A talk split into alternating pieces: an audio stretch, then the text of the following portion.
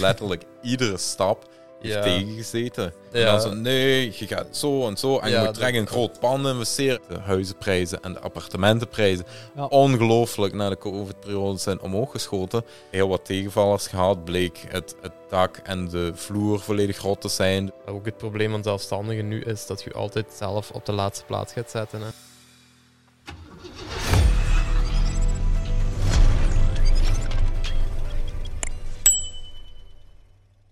Hey, mijn naam is Jonas en welkom bij de allereerste aflevering van de Jonge Haaien podcast. Vandaag zit ik eigenlijk met twee goede kameraden samen in de studio. Eh, ze zijn speciaal van Diepenbeek naar hier gekomen. Het zijn echt twee superhandige Harry's. Eh, als je iets moet hebben wat niemand anders kan maken, gewoon naar deze twee gasten bellen en eh, die gaan dat regelen voor u. Ze hebben een heel leuk traject afgelegd. Ze zijn eigenlijk begonnen in de autorestauratie, vooral eigenlijk autostoffering en stukjes ook oldtimers. Daar is ook metaalbewerking eh bijgekomen dan. Eh, ze hebben daarna eigenlijk de ambitie gehad om een fitnesskledinglijn te starten. Eh, ze zijn ondertussen ook YouTubers geworden. En ze zijn nu eigenlijk ook met een nieuw project bezig en dat is een tiny house bouwen. Dus Laurens, Vincent, van harte welkom bij eh, de eerste aflevering van de Jonge Haaien podcast. Dank u wel. eh. Dank u wel voor ons te hebben hier. Dat is eh, de langste introductie die we ooit gehad Ja. hebben. ik. Ja, ik heb mijn best gedaan, hè? ja, Ja, eh, nee, Vincent. Om te beginnen, eh, kunt je ons even mee terugnemen naar jullie jeugd en waar dat zo'n beetje de, de, ja, de, de, de spark voor ondernemerschap is, eh, is begonnen? Eh, ik denk dat meer zo de, de spark voor het ondernemerschap eh, voorkomt uit onze passie voor het dingen bouwen. Want al van eh kleins af aan zijn we eigenlijk opgegroeid bij de, op de boerderij, zal ik maar zeggen, van onze eh, grootvader. Oké, Eh, hij was eigenlijk altijd bezig met tractors en machines. Hij was altijd aan het aanpassen, aan het verbeteren en wij hielpen hem dan. En dan uiteindelijk eh, is dat zo, dat, dat sleutelen en dingen bouwen is daaruit voortgekomen. En dan eh, op 15-jarige leeftijd heb ik mijn eerste oldtimer gekocht. En vet, wat was het? Eh, dat was toen een eh, Mini, Mini Cooper voor, de, voor eh, mensen die het niet zouden kennen. Klein autootje. En eh, sinds ben ik begonnen met die te restaureren. En eigenlijk alle jaren is er wel minstens één voertuig volledig gerestaureerd geworden of eh aangepast. Vanaf je 15. Vanaf mijn 15 hebben we Zot. altijd eh, voertuigen gerestaureerd. maar we hebben ook wel andere projecten voor familie en vrienden altijd erbij gedaan. En zo zijn we altijd wel een beetje een stapje verder gegaan. En op het laatste ja, zitten we daar met een volledig uitgeruste werkplaats met alle gereedschap wat je kunt bedenken. Oké, Ja. In het begin was het eh, maar vrij primitief. Dus Ja. we, wa- we zaten dan gelokaliseerd op, op het boerderijtje van ons opa. Maar eigenlijk was het gewoon een, een open beestenstal. Want daarvoor hadden er altijd eh, koeien gestaan. Dus eigenlijk was het een half open schuur. Waar dat we dan eigenlijk oldtimers waren aan het restaureren. Dus als er een zware regenbui was of zo, dan kon het wel eens zijn dat het half binnen regende bij ons. En dan stap voor stap hebben wij dan die beestenstal iedere keer een beetje uitgebreid, een beetje mooier gemaakt en, en meer infrastructuur, Ja. ja. dat we een beetje deftig kunnen werken. Oh, dus dat is wel opmerkelijk. Vanaf je 15 had je eigenlijk een soort van ja, kleine werkplaats via je opa dan eigenlijk al Ja, kunnen ja. regelen. En dan via je opa zit je in contact gekomen met machines, met Ja, eh, auto's. Om zo eigenlijk eh, ja, er, er op die leeftijd al, want de meeste allee, van die mensen van die leeftijd. zijn gamen zijn er nu niet mee die hebben bezig. niet, geen idee wat er gebeurt. Nee, klopt. Dus, eh, dus ik denk dat dat wel redelijk uniek is. Ik ben dan ook heel benieuwd van die, die, dat traject. Je gaat eigenlijk 15 jaar, zijt je. Je krijgt eigenlijk heel veel kennis, waarschijnlijk ook mede door je opa. Eh, je leert aan auto's werken. Eh, dan denk ik dat er ook autostoffering op een gegeven moment is bijgekomen. Ja, nu dat, dat komt dan eh, jaren later dan. Dus ik heb eerst eh, een hele schoolcarrière dat ik gewoon auto's was puur hobbymatig. Op het moment dat huiswerk af was en zo, dan, dan kon ik aan mijn auto's gaan werken. Eh, zo ben ik doorgegroeid. Ik heb altijd ASO gedaan. Dan ben ik uiteindelijk eh, op de UNIF terechtgekomen. Eh persoonlijk had ik zo veel interesse om ergens zo meer garagist of autotechnologie in te gaan. Oké, Nu, mijn ouders die hadden zoiets van, ja kijk, uw punten op school zijn gewoon veel te goed. Probeer gewoon eerst uni universiteit. En eh, toen was ik aan het denken, ja, welk, welke opleiding uh, leunt nog ieder wat aan met mijn interesses aan de universiteit. En dan ingenieur leek me wat te hoog gegrepen, want wiskunde is niet mijn beste vriend. Uh, en toen was ik uitgekomen eigenlijk bij mobiliteitswetenschappen. dat heb ik dan vijf jaar lang gestudeerd. Dus ik heb eerst drie jaar bachelor, dan twee jaar master gedaan. Ben ik afgestudeerd als mobiliteitswetenschapper met specialisatie in verkeersveiligheid. Okay. Uh, en dan gedurende mijn uh, studies op de universiteit ben ik dan uh, begonnen met Sintra-lessen te volgen. na de uren nog? Na de uren. Okay. Dus dat was dan en studeren en dan deed ik eigenlijk een studentenjob, want mijn studentenjob die was dan gelinkt aan mijn studierichting. En met dat geld van die studentenjob financierde ik dan eigenlijk mijn avondschool, wat ik dan ook nog deed. En dan uiteindelijk is het daar dan uh, de autostoffering het voortgevloeid. Oké, en Laurens, hoe zit jij? Was uw traject geweest van hè, 15 jaar? Ik denk na, na de school, na het middelbaar, hm. nog aan auto's werken, uh, wat metaalbewerking. Hoe is uw traject dan ja, verlopen? Ik heb wel uh, altijd technische school gedaan, dus ik heb mechanische vormgevingstechnieken gevolgd, draaifrezen. Daar, en ik heb dan mijn zevende gedaan, daar heb ik specifiek bedrijfsbeheer gevolgd. Waar dat okay. dus nu helemaal niks meer mee zei, want ze hebben de afgeschaft, dat heb je niet meer. niet dat je daar veel af geleerd, want daar leert je dus juist niks. Dan heb ik uh, hogeschool gedaan, ja. elektromechanica, PXL. Heb ik nog eens bedrijfsbeheer gehaald daar, want dat zat in de opleiding. Kreeg je geen vrijstelling voor, niveauverschil, België. Ja. Uh, ja, dus eigenlijk heb ik zo gezegd al twee studentenbedrijfjes gehad toen. Stelde niet veel voor, maar ja, ik heb ervaring gehad. Mm daarna ben ik beginnen werken. En toen zijn wij zo... Maar ik heb altijd met Vincent mee... We hebben altijd uh, restauraties, dingen gemaakt, uh, lassen en zo, draaifrezen. Via, via zo materiaal. Ik heb dan een freesbank van iemand kunnen kopen. Ik heb een draaibank kunnen bijkopen, lasposten. Ja. En toen op een bepaald moment ja, zijn we dan daar gekomen van... Zou we hier niet in verder gaan? Want we, we hebben alle skills, we hebben alles. Ik heb mijn bedrijfsbeheer ja. waarom starten we niet gewoon een business nu daarmee? Ja. Je ziet dan, uh, daar komt dan iets uit voort. Je hebt dan hoge verwachtingen, gelijk je op tv ziet, al die uh, automotive programma's. Ja. Want bij, bij mij was dan ook uh, de periode dat we echt geïnteresseerd waren voor bedrijf op te richten, was eigenlijk pas na mijn stage die ik heb gehad in school. Want na die stage was eigenlijk zo mijn eerste echte werkervaring. Ik had wel die studentenjob, maar dat is, dat is nog vrijer en anders. Na die stage, die was me zo tegengevallen. En toen dacht ik van, dit wil ik echt niet de rest van mijn leven gaan doen. Okay. En sinds die stage ben ik eigenlijk boeken beginnen lezen over het ondernemerschap. En dan, ik weet nog goed, mijn, mijn allereerste boek was dan Rich Dad, Poor Dad. Ja, en die ligt hier ook nog. Ja, ja, ja. en dan, uh, ja, dat was zo een openbaring voor mij. En ook van hoe dat ik voordien met mijn geld omging, was volledig verkeerd. Dus ik ging dan liever geld uitgeven aan onderdelen van auto's, want ik, want ik wou een mooie auto hebben. Ja. En in plaats daarvan ging ik nu meer gereedschap kopen en zo die switch gekomen. En dan, uh, hij had dan interesse voor ergens iets na, na zijn uren bij te doen. En ik wou nu ook uh, iets achter de hand houden voor moest ik mijn studies uh, niet meer interessant vinden of dergelijke. En toen zijn we eigenlijk samen uh, gaan zoeken naar boekhouders en zijn we zo eens gaan rondhoren en aftasten of dat ons idee eigenlijk geschikt was. Ja, want dan zit je eigenlijk, jullie waren eigenlijk al van op vrij jonge leeftijd, allee, dat is redelijk jong, 15 jaar, met, met auto's bezig. Eigenlijk al, ja, is daar een beetje de basis denk ik gelegd voor zelf initiatief nemen, zelf iets te gaan ondernemen. En dan merk je eigenlijk, je volgt wel een redelijk standaard traject. Maar dan misschien ook een beetje door de ouders toch was opgelegd van op je achttiende, je gaat nog niet uh, voor je eigen beginnen. Je gaat eerst maar gewoon allez, naar school gaan. Ja.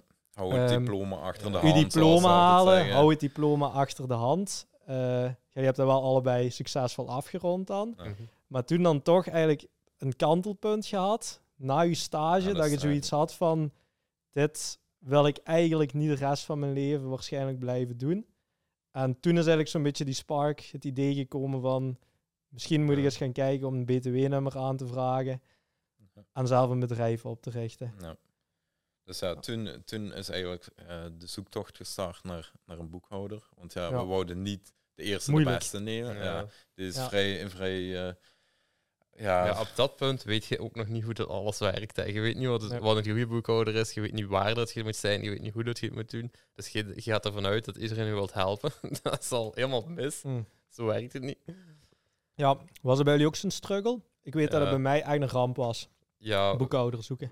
wij hadden redelijk snel een boekhouder gevonden, maar we hadden niet door dat dat niet de juiste boekhouder voor ons was. we, zijn, we zijn wel bij verschillende boekhouders Ja. langs gegaan en telkens gewoon uitgelegd van kijk, dit is het plan wat we nu willen doen. Eh, en dat, oorspronkelijk was dat dan die oldtimer restauratie doen. Dus overal uitgebreid uitgelegd, zo willen we het gaan doen, dit is ons verdienmodel. En iedereen zegt, oh ja, geweldig, dat is goed. Ja. Ja. En dan eh, uiteindelijk, ja, we hadden meerdere boekhouders die, die potentieel eh, mogelijk waren. Uiteindelijk hebben we dan eh, iemand gekozen die dat we toch nog zo'n beetje kenden, die dat eh, bij ons in de buurt wonen. En eh, ja, uiteindelijk, achteraf gebleken was dat misschien niet de beste beslissing geweest. Maar ja, daar hebben we weer veel uit geleerd. Leer je geld. Ja, inderdaad. Nee, ik heb, ik heb wel iets vergelijkbaars meegemaakt. Je gaat zo'n beetje in je omgeving horen van kijk, ik wil zelfstandig worden. Ja, je hebt dan een boekhouder nodig. Ze sturen nu meestal naar iemand die ze kennen via via, die in het dorp woont. En dan kom je daar en heeft- dan heb je het gevoel, oh, die wil me helpen, dit en dat. En dan, Je, hebt, eh, je denkt, omdat ik die ken, die gaat mij wel Ja. goed behandelen, maar dat, zo mogen in de businesswereld niet denken. Hè. Dat is gewoon iedereen voor zich. Hè. ja, dat, is, ja, dat draait soms Ja. anders uit dan, eh, dan je denkt. Hè. Eh, dus oké, je hebt... Je wilde een bedrijf starten. Je had eigenlijk het idee van ik ga een autorestaurant, allee, oldtimer Dat was het restauratie initieel plan. specifiek. Ja. Ja. Ehm, dan gaat je dus eigenlijk een boekhouder zoeken. Ja. Wat zijn nog de stappen die je... Want ja, je hebt niet alleen een boekhouder nodig. Hè. Je moet ook... Allee, gaat je advies inwinnen bij iemand? Of heb je een, een bepaalde mentor of persoon eh, die heeft gezegd van kijk, je moet dit in orde hebben of dit in orde? Ja, dus eh, voor, omdat ik nog student was, moest ik het statuut student-ondernemer aanvragen. En aangezien ik op de UNIF zat, eh, hebben ze daar een speciaal persoon voor. Eh, en daar moest ik dan langs gaan voor een gesprek. Moest ik uitleggen van eh, welk, welk bedrijf heb ik dan. En in dat geval hebben ze mij toen voorgesteld van ja, we hebben hier een groepje, de U-Hassel ondernemers of hoe heet het? Ja. Student startup. Student startup, zo, zo ergens iets. Ehm, en ze zeiden, ja, anders moet je er eens eh, langskomen, leert je misschien nog wat mensen kennen, netwerken en dergelijke. Dus ja, zo gezegd, zo gedaan, ben ik daar eens langs gegaan. En daar heb ik dan Ja, eh, daar hebben we elkaar leren kennen. kennen. Ja. En eh, ja, sinds hebben we eigenlijk altijd eh, contact blijven houden. Hè. Ja. Dus je, allee, denk ik eigenlijk gelijk de meeste studenten. In mijn geval was het ook zo, je hebt een idee, maar je zit eigenlijk nog aan het studeren. Dan zit je een beetje met, oei, iedereen begint nu meteen te waarschuwen van hoe zit het met sociale bijdragen, hoe zit Ja. het met belastingen, gaan nu ouders nog eh, kindergeld krijgen? Ja. Allemaal van die soort vragen. Was er inderdaad op de universiteit in Hasselt, was er eigenlijk eh, een persoon die, die zich bezighield met de studenten te informeren en eigenlijk eh, een beetje te bekijken van oké, waarmee moet je in orde zijn? Ehm, en zo hebben we elkaar inderdaad een soort netwerkmoment tussen eigenlijk andere studenten die ook een eigen zaak wouden opstarten, hebben we elkaar leren kennen. En hoe is eigenlijk toen, je hebt daar waarschijnlijk ook eh, info gekregen dan van oké, een beetje van wat is uw businessplan, eh, hoe vraag je een btw-nummer aan en wat is dan eigenlijk het vervolg geweest na eh, dat je eigenlijk het, je statuut in orde had gekregen voor student-ondernemer. Dus eenmaal dat, dat het statuut in orde was, toen hebben ze mij ook doorverwezen naar dan een soort van consultancygroep. Mhm. Dat zijn we toen ook nog eens eh, zelf gaan horen. Nu, dat zijn we ook, eh, ja... Dat is, eh, ik het dat is slechtste advies dat we ooit ja, het gehad was, het was, hebben. Ja? ja, het heeft ons niet echt verder geholpen. Dus eh, we kwamen er aan, twee, twee eh, oudere mannen. Dus we dachten, oh ja, die zullen al wel veel Ervaring, ervaring ja. hebben en zo. En Wat kilometers op de teller. Ja. zij, ze beginnen een hele uitleg te doen. En nee, je moet dit en dat Oh, en eerst dat. hadden En wij ons businessplan voorgesteld. Ja, hoe wij eerst ons- zagen. Eerst ons businessplan. En dan zo, nee, je gaat zo en zo. En je moet direct een groot pand investeren. En je kunt toch niet daar in dat oud schuurtje blijven Ja. werken. En, en dergelijke. Dus eh, alle, allemaal soorten adviezen. Eigenlijk wouden zij ons al onmiddellijk zwaar in de schulden steken. Terwijl als jij nog jong bent, student en, en dergelijke, je hebt zo al niet veel kapitaal. En als je dan al trekt in de schulden moet gaan, omdat die mensen, die hebben het gezegd dat jij dat moet doen. Nu, toen we daar buiten kwamen na het gesprek, we keken Ja. elkaar aan en we hadden zoiets van, die mensen hebben nu ook een, een verhaal verteld van wat zij gedaan hebben, maar eigenlijk geen van beide mensen had zelf een bedrijf opgericht. ja. Die waren wel bij de consultancygroep. Ja. Ja, ene die had voor een groot bedrijf, eh, was die daar ploegbaas of dergelijke geweest. En die zat dan ook in de automotive. Maar ja, die heeft nooit die feeling gehad en de struggles doorgegaan die dat wij als, als bedrijfje... Dus wij hadden echt gehoopt van met iemand te babbelen die zelf ervaring had, die, die uit ervaring kon spreken. Nee, dan Ja. begint hij daar... Mijn zoon, die heeft wel een bedrijf en, en die heeft dit en dat. En, ja, maar Ja. hij zelf niks. Dus, Maar is dat niet een groot probleem wat je hier nu zegt? Ja, Dat- ik denk eh, voor de meeste jonge ondernemers, je zoekt iemand die dat, dat traject al heeft afgelegd, wat jij wilt gaan doen, Ja, maar je vindt die niet. Of je vindt niemand die u kan zeggen van let daarop, let daarop. Nee. Je moet echt een mentor hebben, maar je moet ook een betrouwbare mentor hebben. Ja. iedereen die wilde wel advies geven, maar Ja. check even of Maar dat hij wel...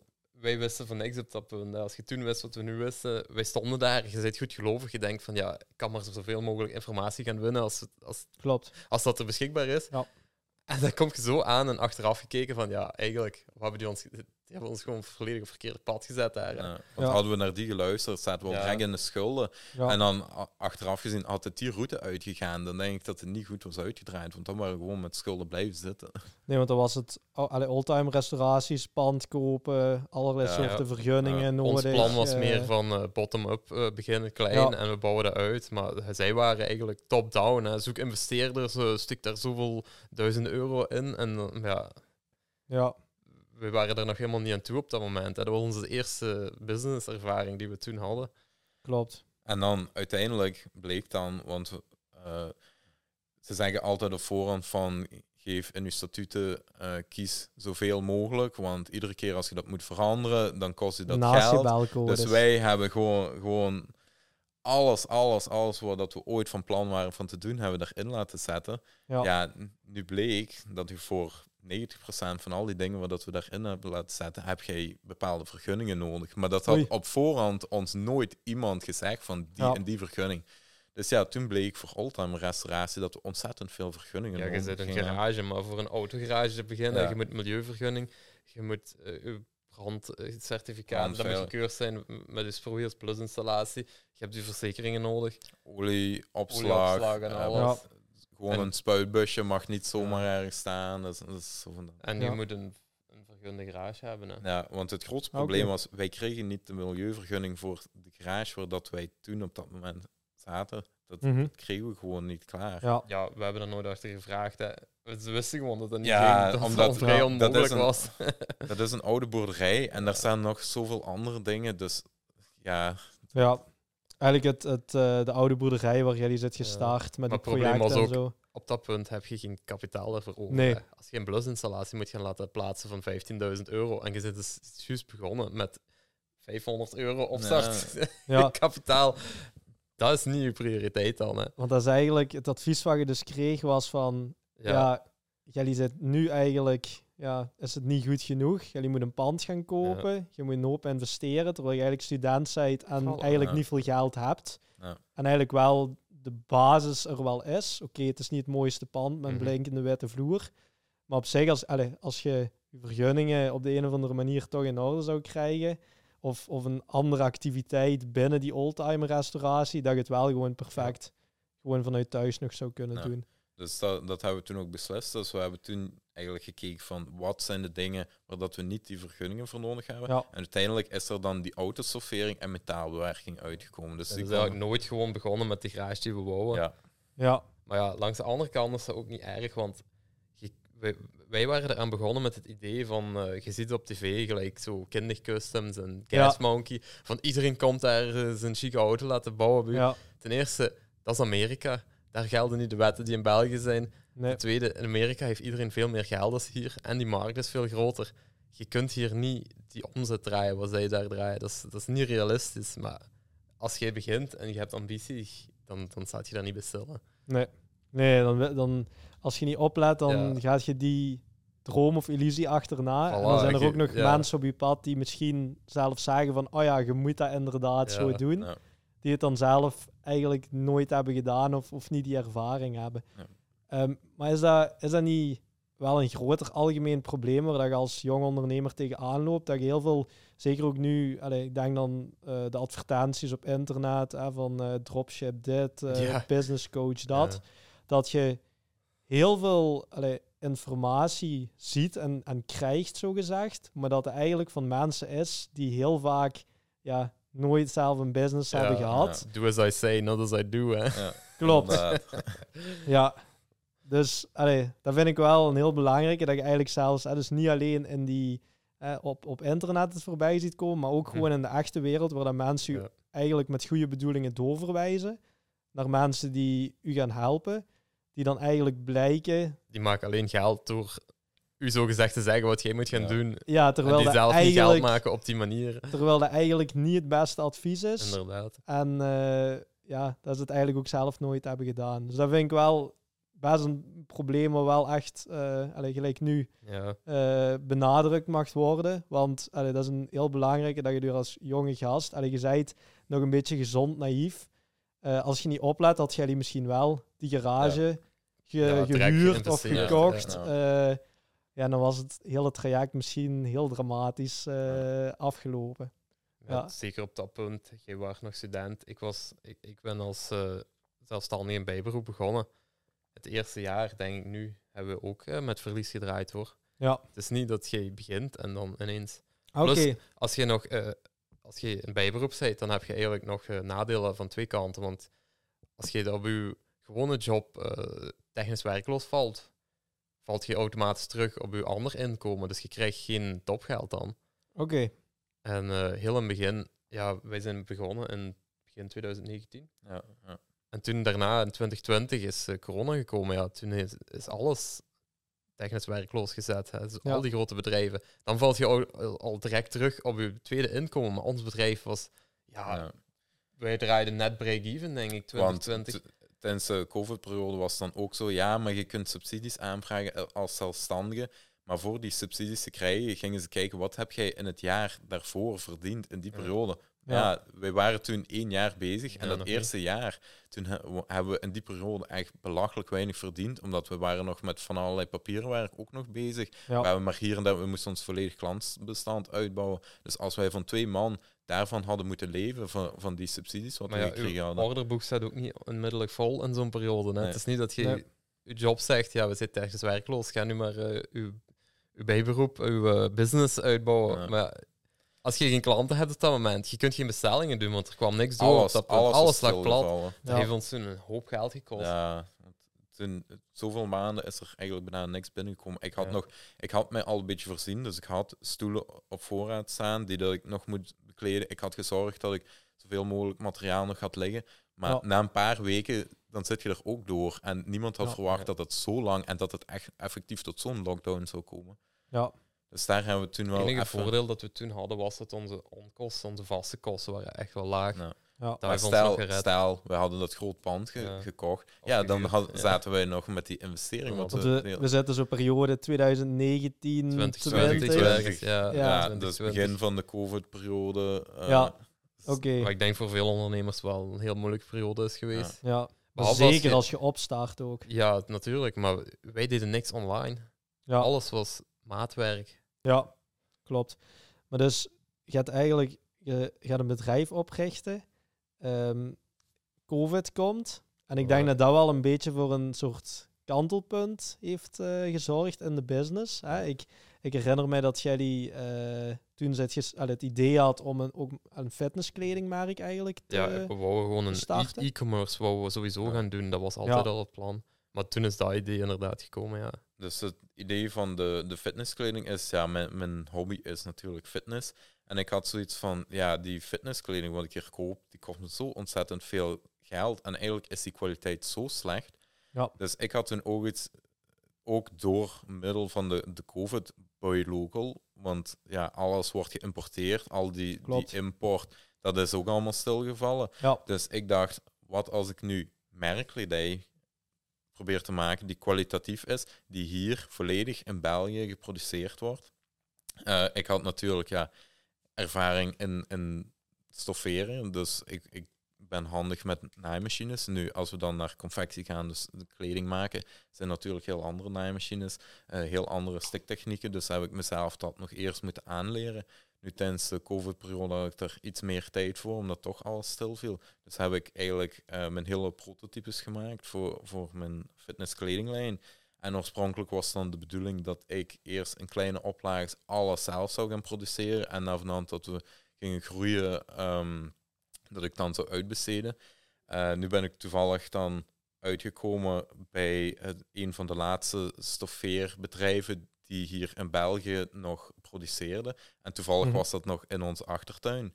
Oké. Okay. Uh, dus uh, toen heb ik u ook nog meegevraagd, want ik ben nog een paar keren langs moeten gaan bij, bij dat uh, bedrijf. Eigenlijk een soort van introductie van mezelf en ja. of dat we zaken kunnen doen en een beetje uitlichten waar dat we naartoe willen. En uiteindelijk heeft die, die man dat um, aangenomen, dat werk. En hebben we een hele oplage van onze fitnesskleding laten produceren. Nu, als ik terugkijk naar de fitnesskleding, uh, heb ik toch een beetje een zuur gevoel. Want letterlijk iedere stap heeft ja. tegengezeten. Okay. Dat is niet zo'n makkelijke proces. Ja, als je dat proces bekijkt. Hè, dus je hebt een idee. Hè, je ziet van, oh, COVID komt, e-commerce is veel... Mm -hmm. is eigenlijk wel interessant. We ja. doen nog niks met e-commerce. Ik heb mijn hobby fitness.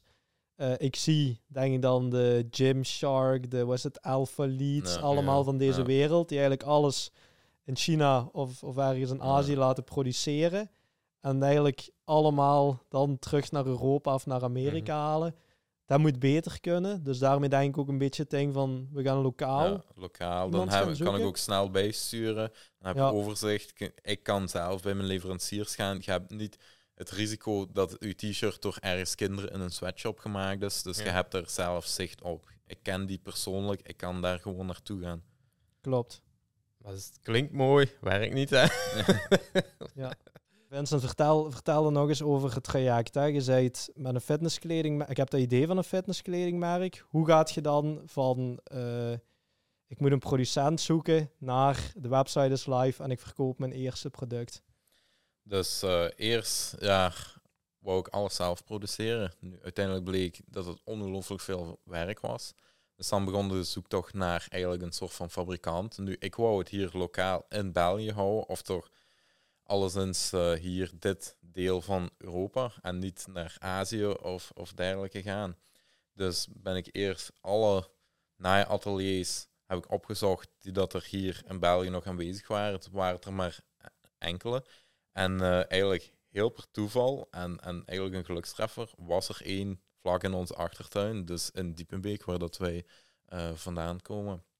Dus uh, het, het moeilijkste was eigenlijk voor daar binnen te geraken, want die produceerde ja. voor de grote modenamen.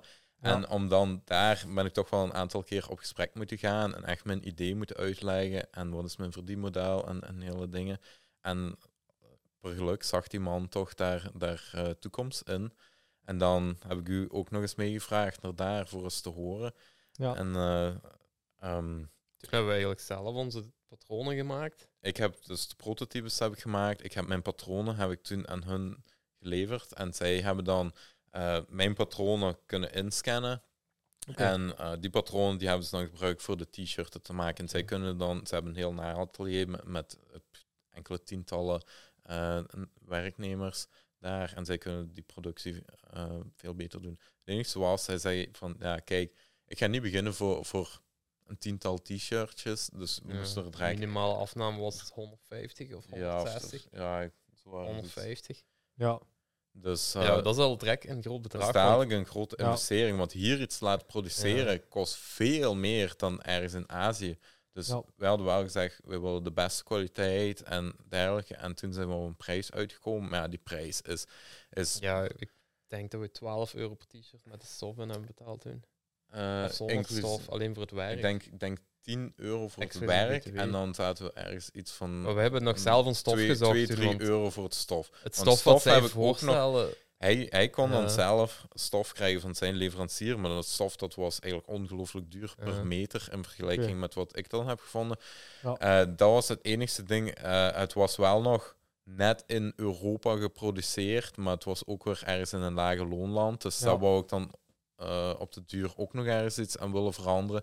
Maar er is gewoon geen stofproducent meer hier in dit deel van Europa. Dat is gewoon het probleem. Ja. Dus dan heb ik mijn stof besteld. Dus ik wou half-half. Dus we hadden dan beslist van we willen met zwart en een speciale kleur groen willen wij beginnen. Dus bestel ik mijn stof half-half.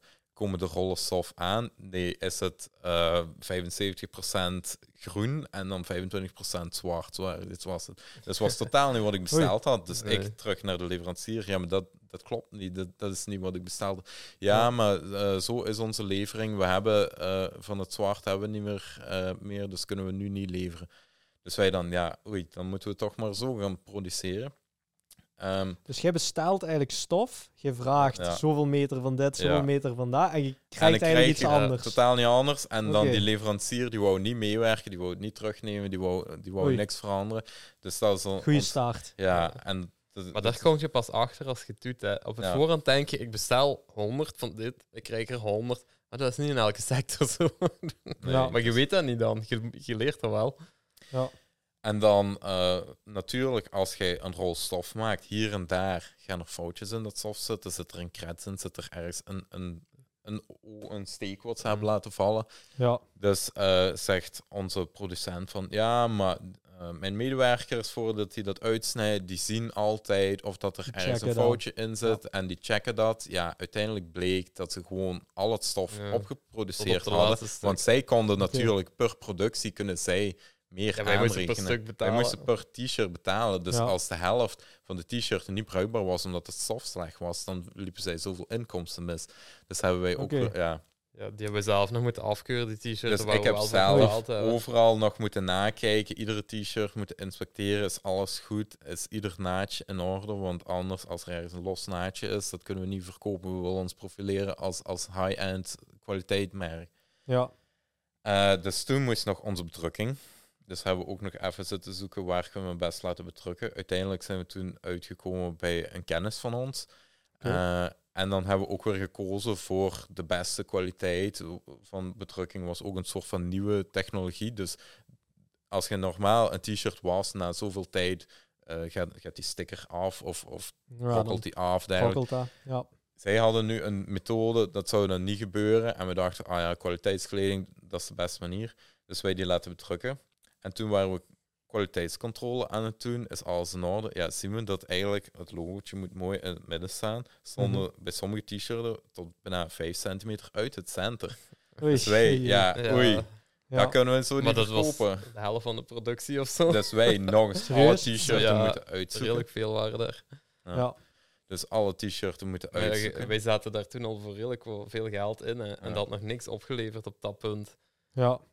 Want op, allee, op, op zo'n punt dan, je zit met die bedrukking bezig, hoeveel Ja. geld is er eigenlijk al in die productie, in, in alles gegaan, terwijl er Ja. nog niks verkocht is. Ik denk dat het ja, een paar duizend euro er Ja, al sowieso. ja, Dus eh, ja, zonder onze tijd en werkuren. Klopt. Want voor die prototypes te maken, daar heb ik weken en, en ding, maanden aan gezeten. Ja. Ik heb mezelf nog moeten leren naaien voor, voor eh, de prototypes te kunnen Maar dan maken. hadden we Dus ook nog niet de webshop erbij geteld. webshop is advertentie, achteraf Sandcloud, ja, ja. eh, voor uw verzendingen, uw, verpakking. verpakkingsmateriaal. Ik geloof dat wij op het laatste zaten wij aan 19 of 18 euro per t-shirt. Als je alle kosten erbij telde, Ja. ook de Ja. webshop, eh, de website, alles erbij.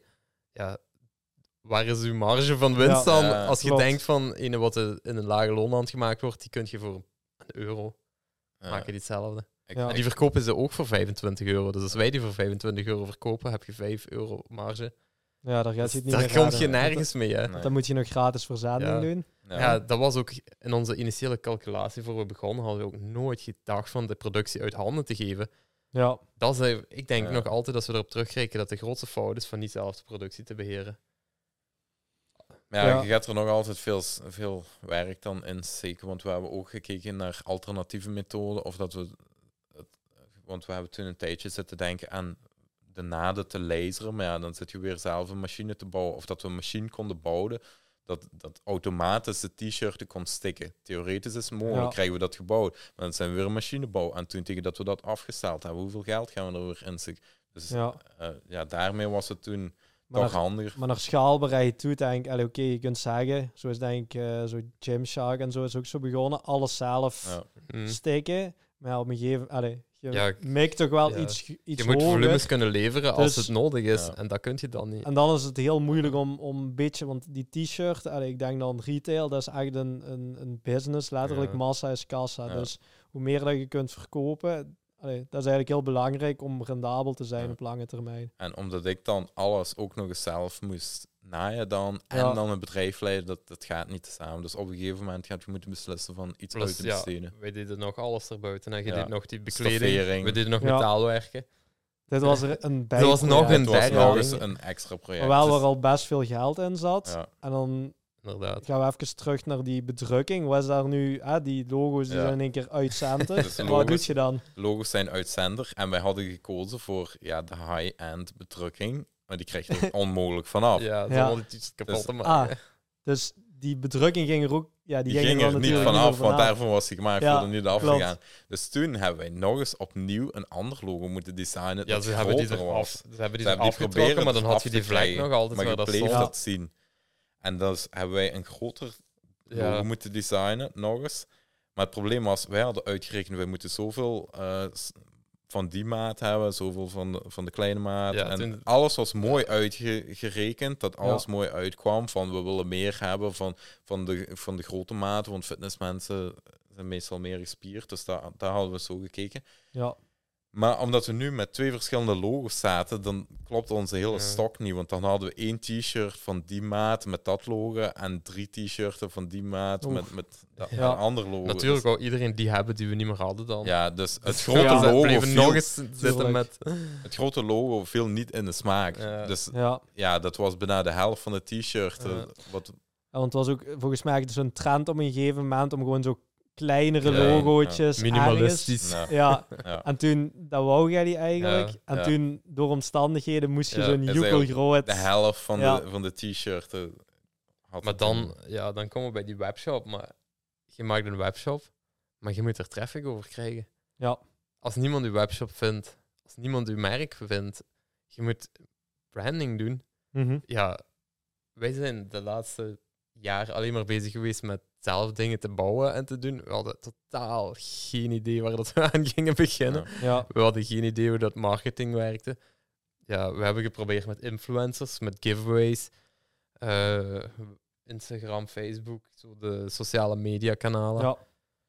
Eh, maar ik, als je echt... Ja, we hebben wel verkocht.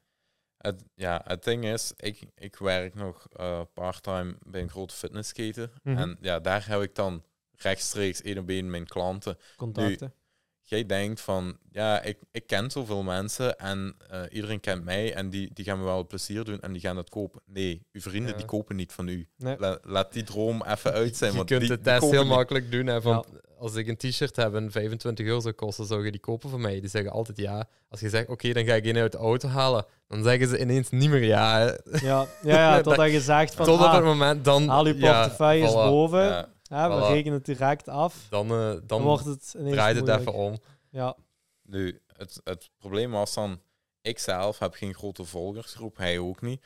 Dus we gingen sowieso met influencers moeten werken. Nu, ik Ja. wou het merk lokaal houden, dus Belgisch dus influencers lokale zou ik wel influencers. We hebben in het begin er ook voor gekozen voor alleen te focussen op mannenkledij. En dan achteraf hadden we wel al plannen gemaakt voor ook vrouwenkledij te beginnen. Maar dus ik had mannelijke Belgische influencers nodig. Dus ik heel Instagram eh, afgezocht. En ik ben misschien door twintig influencers uitgegaan. Die beloven u van alles. Uiteindelijk komt er geen ene komt zijn belofte na. Ofwel Hm. denken ze dat ze een godheid zijn omdat ze een paar Ja. duizend volgertjes hebben. Want ze mogen nog 100.000 volgers hebben. Als er maar één een t-shirt koopt, dan heb je er nog niks aan. Dan heb je, ik weet niet wat geld moeten, moeten uitgeven voor, voor ja, dat is het ook wel een probleem, denk ik. Hè? Zo de, het verschil tussen ogen en klanten Ja, op, uw, op uw website Ja. of op uw merk. Dat er heel veel influencers zijn die een hoop volgers hebben, maar die kijken alleen, Mhm. maar die nemen geen actie. En ik denk zeker in die fitnesswereld dat er, allee, er zijn mensen die waarschijnlijk wel redelijk hoog converteren. Maar je hebt ook een hele hoop die, denk ik, alleen kijkers hebben. Waar dat je dan Ja. van verwacht dat ze toch iets meer. En je eh, product moet ook op emotie inspelen. Hè. ja, Als, je, als je niet op emotie kunt inspelen, dat is wat mensen doet kopen. Hè. klopt. Je moet je vangen ermee eigenlijk. Hè. Mhm. Want eh, het, hetgeen wat me opviel, want ik heb toen veel ook gekeken naar, naar andere bedrijven die ook eh, kleding deden en hoe dat zij hun, hun branding deden en welke influencers. Eigenlijk moet je al echt naar de hele grote sterren, denk dan aan de Amerikaanse sterren. Eén, eenmaal als die uw kleding dragen, dan moet iedereen het hebben. Ja, Maar als gewoon de, de kleine man van hier of Ja. zo, dan, dan moet ze het meestal niet ja, hebben. maar dat is, daar zit eigenlijk ook zo het verschil tussen echt zo die popsterren en die Amerikaanse celebrities. Ja, die, die hebben echt gewoon zo'n harde fanbase dat die gewoon letterlijk alles wat die drinken, eten, aanraken, dat moeten die fans Voilà. ook precies hebben. En dat is volgens mij met, zeker met die kleinere ja, Belgische influencers denk ik nog Nee. niet echt Nee. het geval. Hè? Nee. Ja. En als je dan kijkt van oké, je hebt je fitnesskledingmerk, je hebt eigenlijk alles is eigenlijk klaar. Je hebt eigenlijk een product, je hebt een website, je hebt alles een beetje op zijn plaats staan. En dan komt eigenlijk uw ja, go-to-market. Dus de markt opgaan, we kunnen iets verkopen. En dan merk je eigenlijk van oké, we moeten een brand gaan bouwen, we moeten proberen op emoties in te spelen, we moeten marketing gaan doen. Logische stap als een influencer marketing. Dat viel dan ja, toch denk ik een beetje tegen. Ja. Hoe zit je dan vanaf daar verder gegaan? Dus toen was het ja, manieren zien te vinden dat we toch verkocht krijgen. Dus eigenlijk heb ik ze grotendeels gewoon zelf moeten, moeten verkopen. eh, een soort van mond-aan-mond reclame zelf maken. En dan, Ja. omdat ik toch in de fitnesssector zat, Ja, heb ik daar wel veel kennis. En zo zijn we het grootste gedeelte wel eh, kwijtgeraakt. ja, Nu, uiteindelijk, je gaat altijd overblijven met een aantal maten en t-shirten die dat je niet verkocht krijgt, die de hele kleine maten, of ook die, die met de grote logos, die waren al minder gewild. Dus uiteindelijk zaten ze, hebben we, ik denk, het merendeel was verkocht. We hebben nog die, die kleine ongewilde t-shirten. Ja, daar zaten we mee, die krijg je niet verkocht. Mhm. Dus Ja. toen waren er twee opties. Ofwel moet jij kunnen bewijzen dat je ze hebt laten vernietigen, ofwel moet je ze aan het goede doel schenken. Dus ja, vernietigen vind ik helemaal verspilling. Dus toen hebben we uiteindelijk besloten om ze maar aan het goede doel te schenken, de overige maten. oké. Dus dat was eigenlijk ook meteen het einde, Einde van... van, ja. eh, want is het dan heel bewust dat je hebt... Want je hebt er dan wel allee, relatief snel de stekker ook uitgetrokken. Ja. In de zin van, ah, je had, allee, ik zeg maar iets zeggen, je had nog kunnen zeggen van, oh, we gaan dan ook nog bij vrouwen proberen. En we gaan Mhm. nog Mm. een ander product, we gaan nog een broek op de markt brengen.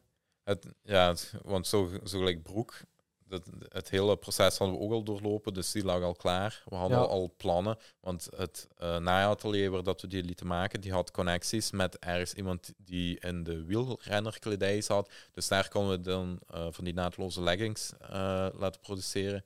Nu, omdat wij al met zoveel bezig waren, we waren met en de autosfering en metaalbewerking en dan nog eens eh, die fitnesskleding, dat kregen we allemaal niet getrokken. Dus we hebben gewoon gezegd, ja, die fitnesskledij, daar kruipt zoveel tijd in en zoveel werk nog voordat we dat op punt Dat hebben. is een business apart. Dat is een hele business apart, heel bedrijf apart. Dat krijgen we niet getrokken. En toen hebben we echt moeten, moeten zeggen van, ja, ofwel moeten we daar volledig op doorgaan, maar we hebben geen enkel uitgangspunt dat er iets uit gaat komen. Nee. Maar we hebben wel nog onze stoffering en metaalwerking, waar dat we eigenlijk wel nog gewoon onze Mhm. boterham deftig mee kunnen verdienen. Dus toen Ja. hebben we besloten van, stik het in de koelkast. Misschien ooit, als wij zelf onze influencers eh, kunnen hebben, of zijn, zelf influencers zijn, dan kunnen we er terug eh, mee verder gaan. Maar nu voor het moment, eh, het is gewoon te veel werk voor ja. wat we eruit krijgen. Want zit er, zit er geen heel belangrijke les in? In de zin van, jullie had voor hetzelfde geld gewoon, hè, zo gelijk de, iedereen verkondigt op het internet, ah, je moet gewoon doorduwen en moet blijven gaan en er geld in pompen.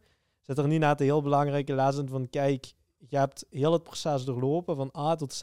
Je merkt, dit ligt ons niet of we hebben er toch moeilijkheden mee gehad in, in, in alle ja, eh, contacten zelfs, in productie, in... eh, Mhm. in verspreiding en marketing met de influencers, dat, dat je wel op een gegeven moment de beslissing maakt van kijk, oftewel doen we verder en dan gaat er 100% van onze aandacht heen, oftewel ja, dan snijden we het eraf en dan focussen we eigenlijk op het ding waar dat allee, waar dat we eigenlijk onze boterham echt mee verdienen. Nou, Dus, en ik begrijp dat dat een heel ja, moeilijke beslissing is, want natuurlijk, je hebt al heel veel tijd in iets gestoken. nou. Maar ik denk, ja, soms is het Cut Niet slecht. losses. om, ja, inderdaad, cut your losses, om terug te gaan naar de basis van, ja, kijk, hier verdien ik eigenlijk mijn centen mee. Ja. En ja, op het einde van de rit moet je wel je huur of je huis of, of hè, je kosten kunnen Ja. betalen. Dus, maar oké, dus we zitten, fitnessmerk is dus eigenlijk tijdelijk in de koelkast geparkeerd. Dan heb ik begrepen van, jullie zitten daarna actief geworden op eh, YouTube ook. Dus een, Ja. een YouTube-kanaal opgericht.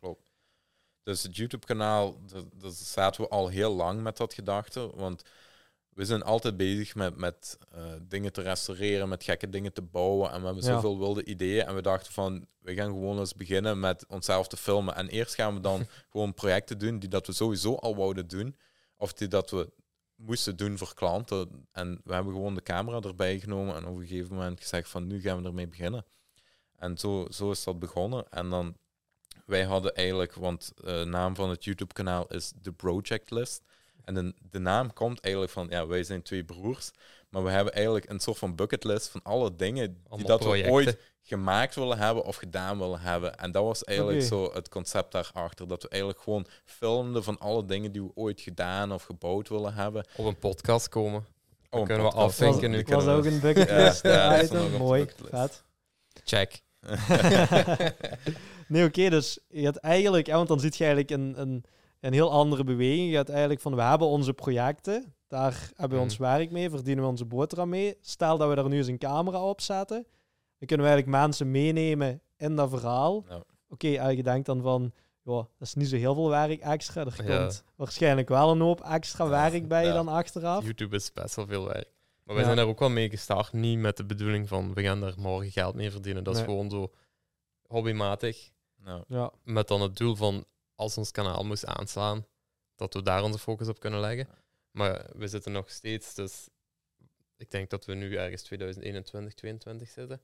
De, de corona is zo'n beetje voorbij. ja, Ja, toen hadden we zoiets van, ja oké, kom, we zetten meer terug in op onze, waar dat onze basis, waar we begonnen zijn. Ja. En we gaan dat verder uitbouwen.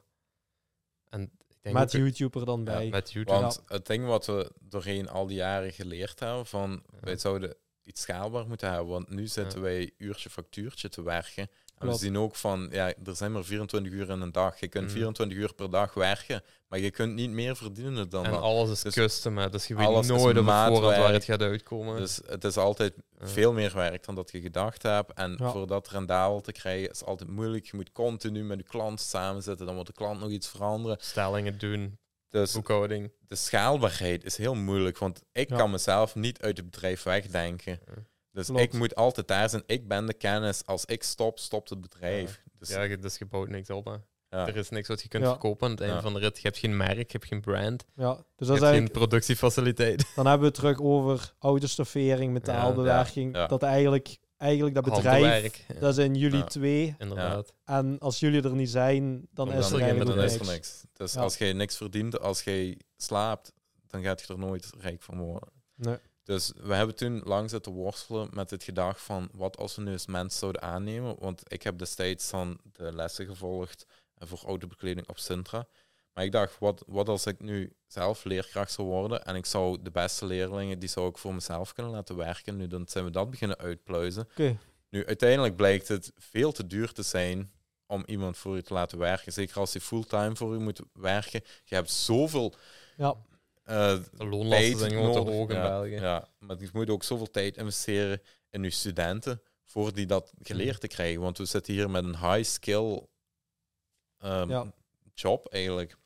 Klanten En- verwachten ook veel, denk Ja. ik. Je bent aan Ja. die hun ja, meest kostbare bezit vaak bezig. Ja. Dat is een kindje vaak, oldtimer, dat is En een echt Als liefhebber. je kijkt, de, de opleiding van autobekleder die duurt minstens twee jaar. En na die twee jaar zit je nog geen professionele autobekleder. Dan begint het pas.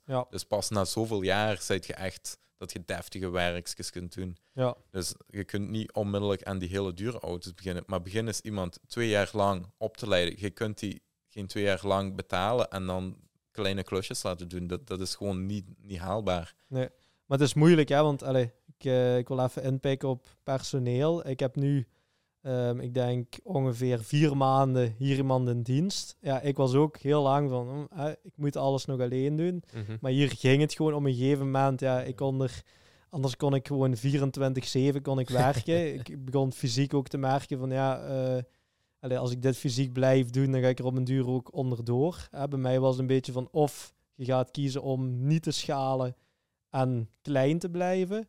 Of je gaat kiezen voor ehm, ja, toch iemand dan in dienst te proberen, proberen te nemen. Ik heb toen, allee, en dat is misschien een, een tip. ehm, ik heb toen eigenlijk ge- eh, me heel goed geïnformeerd en eerst gehoord voor iemand part-time in dienst Mhm. te nemen.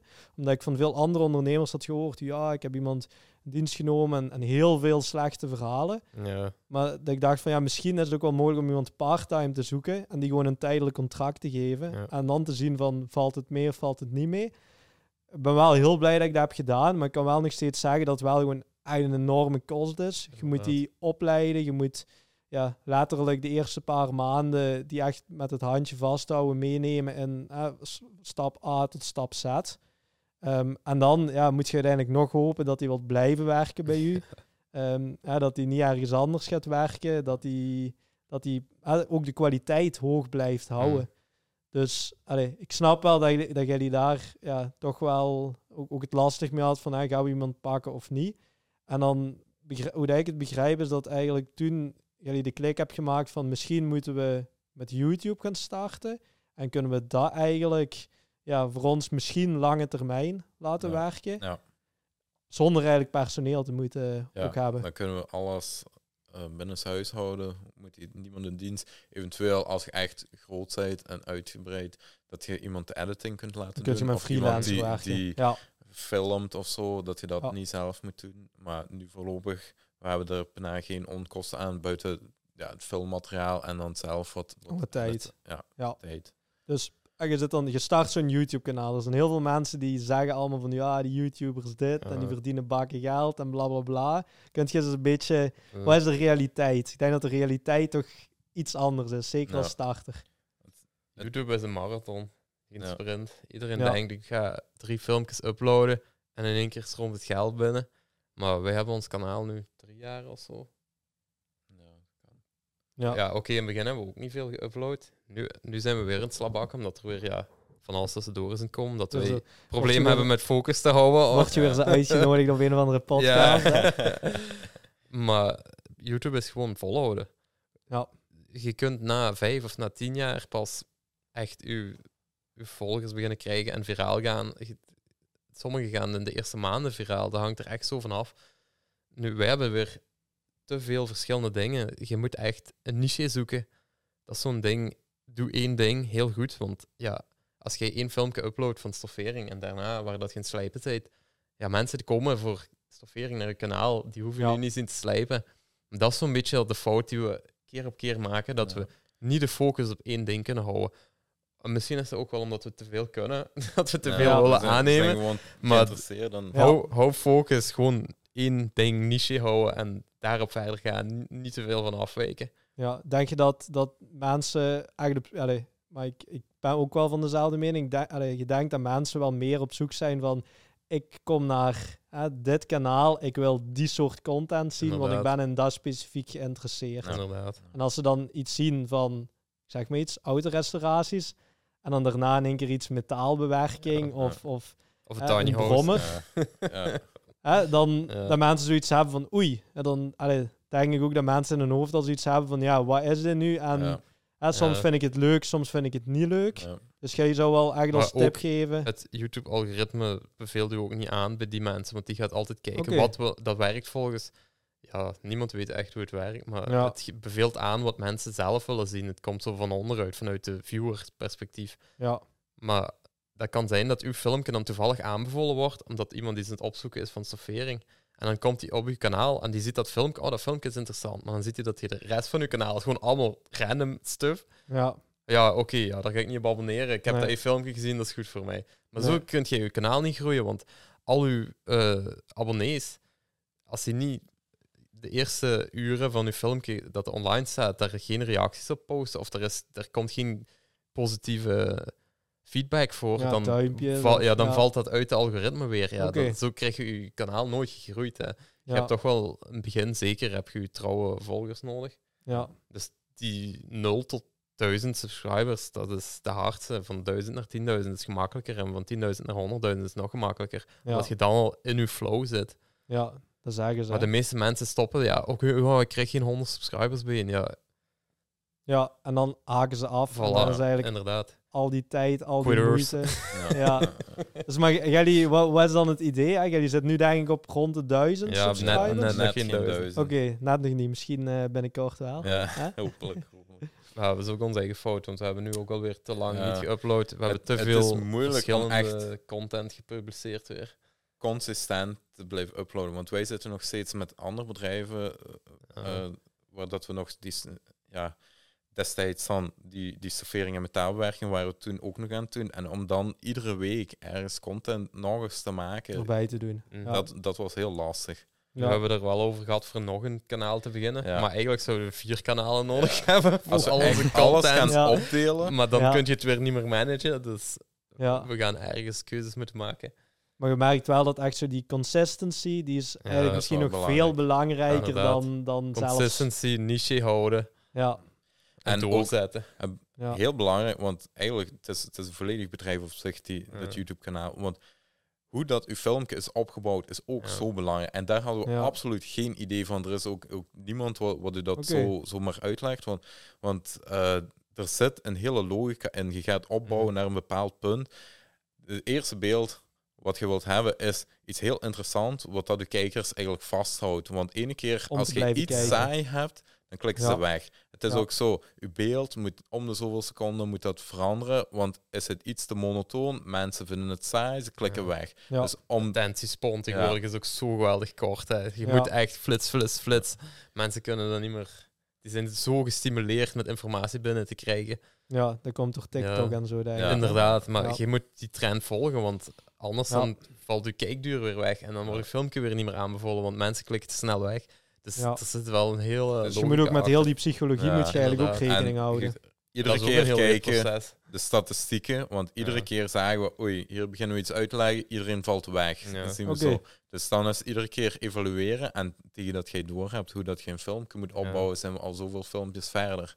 Ja, dus eigenlijk als, als, als tip die ik er dan uithaal is ook een beetje van ehm, je moet ergens gewoon beginnen en Mhm. aan de hand van de data en de Ja. Grafieken die je gaat krijgen, gaat je eigenlijk zien van oh, eigenlijk moet ik mijn filmpjes heel anders maken of dit moet ik eruit laten en dit is net heel goed, want hierdoor blijven mensen kijken. Eh, dan ben ik eens heel benieuwd. Gaan we even een stapje erbuiten zetten. Ik heb ook gehoord, Laurens, dat jij eh, voor een start-up eigenlijk een tijd hebt gefreelanced dan ook Mhm. nog ondertussen. Ja, inderdaad. Eh, ik had de vraag gekregen voor iets te ontwikkelen voor hun. En toen zijn we daarop verder gegaan. En toen heb ik dus bij een bedrijf dat eh, bezig, zich met drone-technologie en. GPS-technologie te ontwerpen. Voor bij hun dan eh, de elektrische en de mechanische kanten te gaan doen. En daar heb ik dan gefreelanced onder ons bedrijf. Oké. Dus ik ja. werkte dan bij hun en dan daarbuiten namen wij nog werk bij je aan. En eh, ik moet wel zeggen, als je dan in zo'n ander bedrijf komt, start-up die al enkele jaren bezig is, daar leert je dan echt wel veel bij. Ja, Want je gaat ook de dingen zien, de problemen die jij aan de hand hebt, die hebben zij ook aan de hand gehad. oké. Of hoe dat zij die oplossen, of eh, hoe dat het van bovenaf werkt. Eh, Ja, want neem, neem ons eens mee in dat proces, want je hebt dan eigenlijk, ja, je hebt een eigen zaak. Je wordt in één keer Mhm. gevraagd door eh, misschien een kennis of een vriend mhm. van, Ja, hey, klopt. ik zit in een dronebedrijf. Ehm we zijn een start-up, we hebben nieuwe technologie, maar we hebben ook hardware nodig waarschijnlijk. Ah, jij zit die handige Harry, kun je mij niet helpen of kun je iets, eh, iets bouwen? Hè? Hoe, hoe begint dat? Hoe, hoe- Ja, het probleem is al, die sector is vrij nieuw. ja, Dus je gaat weinig mensen met ervaring vinden. Waar gaat je mensen met zeer uitgebreide skillsets vinden? Want ja, dat is allemaal ontwikkeling, dat is R&D. Je moet elektriciteit kunnen, je moet, je moet iets van, van vliegtuigen kennen. Bij, ah, een drone is nu minder ingewikkeld als een heel vliegtuig, maar je, je moet productieprocessen, want hoe gaat je het maken? ja, Je moet metaalbewerking, eh, al, die, al die dingen zijn bijkomend. Mijn taak was daar vooral voor dan te ondersteunen bij dan de ontwikkeling voor dan al, al de hardware te maken. Ja, En eh, in het begin was dat vrij basis. ja, En dan na de rand uit, is het dan uitgedraaid op volledig automatisaties maken. En eh, ik, heb, ja, ik heb een achtergrond als onderhoudstechnieker in eh, fabrieken. Ik heb altijd nog bijgedaan, tot op het laatste dat ik dan eh, die kans had voor te freelancen. Toen ben ik volledig een hoofdberoep dan zelfstandig geworden. Want Ja. tot al die tijd was ik nog altijd een bijberoep zelfstandig. ja, oké. Dus eh, daar is zo'n beetje kantelpunt geweest. En dat is een heel fijne tijd geweest. Ja, Het heeft ook ons bedrijf zo meer in één richting getrokken, denk ik. ja, Dat we zo meer focus konden houden. En eh, En het was ook, het, het financiële hielp ook veel Ja. meer. Ja. Want anders waren het zo iedere een- keer kleine projectjes. Maar nu had hij eigenlijk een vrij stabiel inkomen, omdat Ja. hij ook kon freelance. En ik deed dan terwijl ook nog de servering. Dus Ja. dan hadden we langs twee kanten mooi inkomen. ja. Dus eigenlijk was dat wel een mooie synergie van, je hebt die Ja. autostoffering, hij gaat eigenlijk iets meer die focus op Mhm. dat freelancen Freelance. voor eh, dat droombedrijf. Ja. En moet ik me dan voorstellen, allee, komt er zo'n bedrijf, dat is dan vaak ja, gesubsidieerd of kapitaal Mhm. opgehaald. eh, ze willen misschien schalen. Eh, jij komt daar waarschijnlijk tussen een groep van ja, ingenieurs of, of ja, eh, klopt. ja. terecht.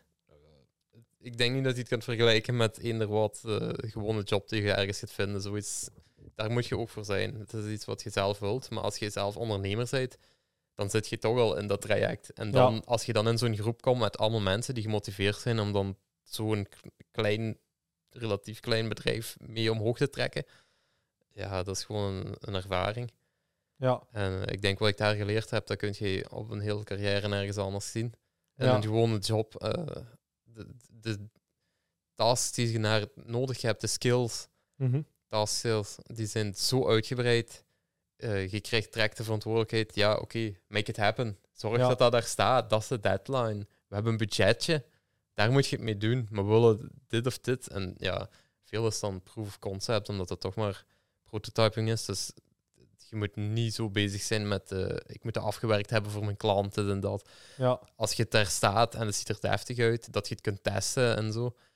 Dat is zo'n beetje je taak ja. voor snel van een papier naar iets concreet te Van gaan. concept naar Inderdaad. proof of concept En eigenlijk. het- als je dan zelfstandig freelancer bent, helpt wel. Want, ah ja, oké, ik ga dat van dat ijzer maken. Ik heb dat machine staan, dan kan ik daarvoor gebruiken. Ik kan zo en Ja. zo. Je kunt heel snel overgaan naar iets concreet. Ja, En dat, voor zo iets te vinden, of iemand te vinden die die skills heeft, is zo zeldzaam tegenwoordig. ja. Want ik denk, da daar zeg je iets, hè, die start-ups, die hebben allemaal zotte ideeën, die willen van alles bouwen. Maar meestal is dan het probleem om het in de praktijk ook te gaan Ja. realiseren. En jij wordt eigenlijk die man die dan... Die schakel die dat dan die van papier naar realiteit moet zorgen dat het werkt. Ja, klopt. En wat zijn zo, eigenlijk gezegd, is waarschijnlijk heel veel positief geweest, eh, heel veel bijgeleerd ook. Mhm. Wat zijn zo de dingen die... Hè, want allee, ik veronderstel een start-up, ja, je, hebt, je hebt vaak investeerders mee aan boord. Mhm. je hebt, allee, die krijgen meestal ja, best wel een, een zak geld, maar die moet dan ook ja, op een verantwoordelijke manier geïnvesteerd worden. Waar gaat de aandacht heen? Allee, hier steken we meer geld in, hier gaan Ja. we iets besparen. Wat zijn zo de dingen die, allee, de, de typische problemen die je zo in, in die start-up hebt meegemaakt?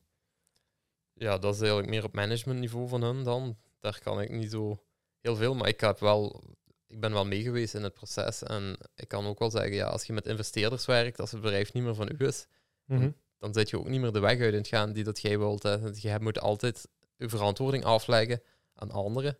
Ja, En als ik zie, ja, tussen ons twee nu, kan er wel al eens oneenigheid zijn van nee, we gaan dat zo doen of we gaan dat zo Ja. doen. Maar dat Ja. is niet zo erg. Maar als jij nog zo een hele task, eh, een hele achterban hebt die zeggen van ja, dat, dat geld is toch beter ergens anders geïnvesteerd, dan wil het toch niet dat jij dat doet. De, oms, de switching van dingen is veel, is- veel is minder, minder flexibel.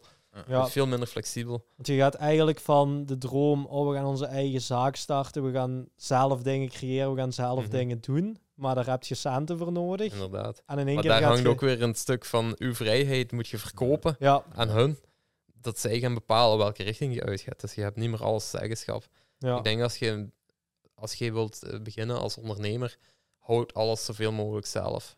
ja, Want ook als je met, eh met eh, businesspartners wilt werken, er komt, uiteindelijk komt er altijd een serie van. Zorg Ja. dat alles vast ligt en dat je contracten hebt.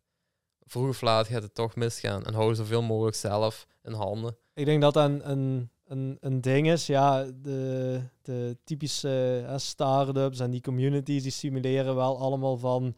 eh, zorg dat je een Mhm. team hebt, zorg dat je met volk zijt, eh, zorg dat je ook misschien wat geld ergens ophaalt, zorg dat je een, een soort traject volgt met je bedrijf.